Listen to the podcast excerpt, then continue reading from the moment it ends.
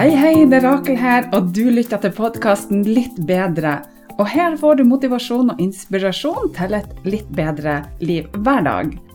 Det er ofte ikke de store tingene, men de små som skal til for at du skal prestere bedre, sove bedre, få mer energi og overskudd. Ja, you name it. Her skal du få spiselige tips som du kan bruke direkte i hverdagen. Trekk pusten, senk skuldrene og tenk at dette er dine minutter sånn akkurat nå. Er Rakel her, og velkommen så masse til en ny dag på Den magiske reisa. Den magiske reisa er en selvutviklingsreise på 31 dager med små mentale daglige oppgaver som tar kun noen minutter av dagen din, og som kan gi deg fantastiske helsegevinster, sånn som mer overskudd, energi, du kan sove bedre, få bedre selvtillit og alt du trenger for å ha et godt liv. Du trenger ikke å høre på de andre dagene for å få godt utbytte av dagens oppgave, og du kan når som helst gå fram og tilbake til de ulike oppgavene og dagene, og du vil uansett få masse igjen for det. Lover. Ok, over til dagens oppgave. Velkommen så masse til dag nummer seks på Den magiske reisa. Du, I går så snakka vi om kroppen din, og i dag så skal vi snakke om tankene dine. I dag skal vi ha fokus på hvem du er, og hvilke valg du tar hver eneste dag. Gjennom livet har du opplevd masse forskjellige ting. Du har hatt episoder, hendelser, ting som har blitt sagt til deg, gjort mot deg. Det vil si at du har laga deg din egen sannhet om deg og ditt liv. Du har en oppfatning om deg sjøl og hvem du er, og du er et ekko av deg sjøl og din historie. Og så lurer jeg på, har du forresten tenkt over hvem du er, altså hvem du egentlig er, hva som er din sannhet om deg sjøl og det livet du lever? Min sannhet har vært hele livet at jeg har måttet bevise hvem jeg er, at jeg kun er god nok dersom jeg presterer noe, gjør noe, det har vært min egen selvfølelse som har vært dårlig, som har vært ræva. Jeg har alltid hatt god selvtillit, men jeg har vært veldig opptatt av hva andre tenker om meg, og jeg har latt andre mennesker få lov til å definere meg hvem jeg er som person. Og det har resultert i at jeg har sett konkurranse i enhver situasjon, og når jeg har vært best, så har jeg definert at jeg har vært god nok, og når jeg ikke har prestert godt, så har jeg heller ikke vært god nok. Da har jeg følt meg elendig og udugelig. Og det her er det var jeg egentlig ikke bevisst for i voksen alder, og dersom noen har sagt til meg at jeg hadde dårlig selvfølelse da jeg var 25 år, så ville jeg ha blånekta på det. For da var jeg egentlig ikke klar over hvem jeg var.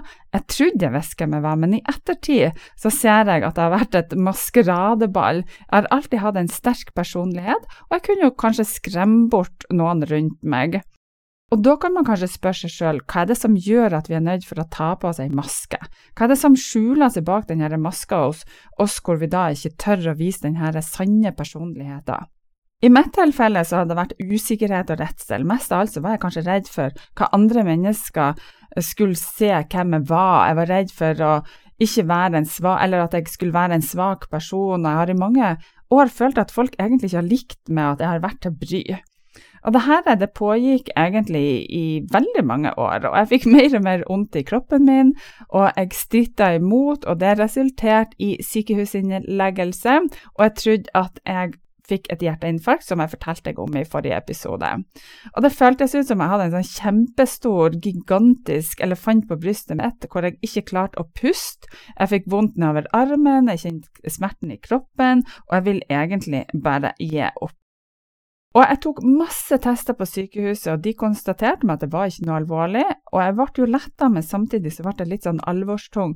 For jeg hadde kommet til et punkt i livet mitt hvor jeg forsto at jeg var nødt for å ta et valg.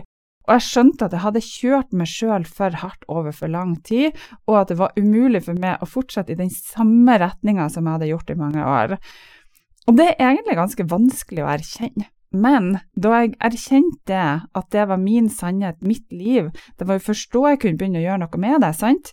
Så jeg starta en prosess med å jobbe med det ut av min gamle sannhet, for det som var et av mine eureka i livet mitt, det var plutselig så gikk det opp for meg en dag om at jeg hadde latt meg sjøl definere av historien min, men plutselig så tenkte jeg oi, jeg kan jo omdefinere det, jeg kan jo velge fra meg i dag at jeg skal bestemme for å være en ny person, med nye sannheter, med nye ting som jeg tror på. Og da kan jeg altså få det livet som jeg ønsker, på bakgrunn av de nye tankene som er danna meg, og det som jeg tenker er riktig. Så jeg var nødt for å lage meg en ny sannhet. Jeg begynte å jobbe med min egen selvfølelse og det grunnleggende, altså hvem er jeg? Hvorfor må jeg være best? Hva er det som gjør at jeg har denne følelsen i kroppen? Og Grunnen til at jeg deler denne reisen med deg, det er fordi at det har vært livsviktig for min egen del. Og Jeg vil gå så langt og si at den har redda meg sjøl og helsa mi.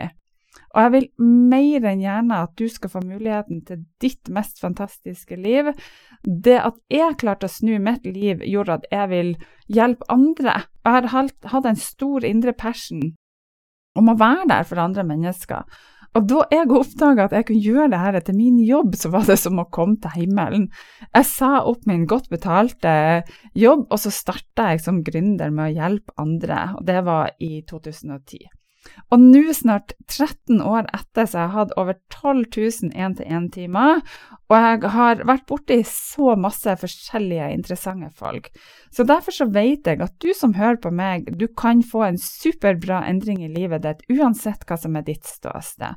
Jeg hjelper folk som har hatt vondt i kroppen sin, ADHD, stress, søvnproblemer, vektutfordringer, ledere som vil prestere bedre, folk som vil starte som gründere, folk som vil bli mentalt sterkere og you name it. Oppgaven din i dag er ganske kul. Det er en bevisstgjøringsprosess, og den er med på å hjelpe deg å se hva akkurat du er nødt for å gjøre for å få det livet du ønsker deg. Det er din egen tankeprosess. Hvem er du? Er du bevisst på tankene dine? Vet du hvor mange tanker som er positive, og hvor mange som er negative? Og dersom du tar utgangspunkt i tankens kraft, så er det jo sånn at det du fokuserer på, det får du mer av i livet ditt.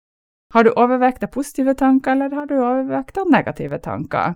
Og hvordan kan du da måle tankene dine? Så i løpet av dagen i dag så kan du da forsøke å sjekke ut hver eneste tanke, altså, eller i hvert fall så mange som du klarer. Er tankene dine positive eller negative? Hva tenker du om deg sjøl, jobben din, kollegaene dine, ungene dine, kroppen din, maten du spiser, personen i kassen der du handler? Når du ser deg i speilet på morgenen, partneren din, tenker du positive eller negative tanker? Og dersom du får negative tanker, hva gjør du med den? Kan du snu den til noe positivt? Så i dag skal du trene på å identifisere tankene dine. Du skal se hvilke tanker du har, og du skal bli oppmerksom på hvordan du egentlig tenker.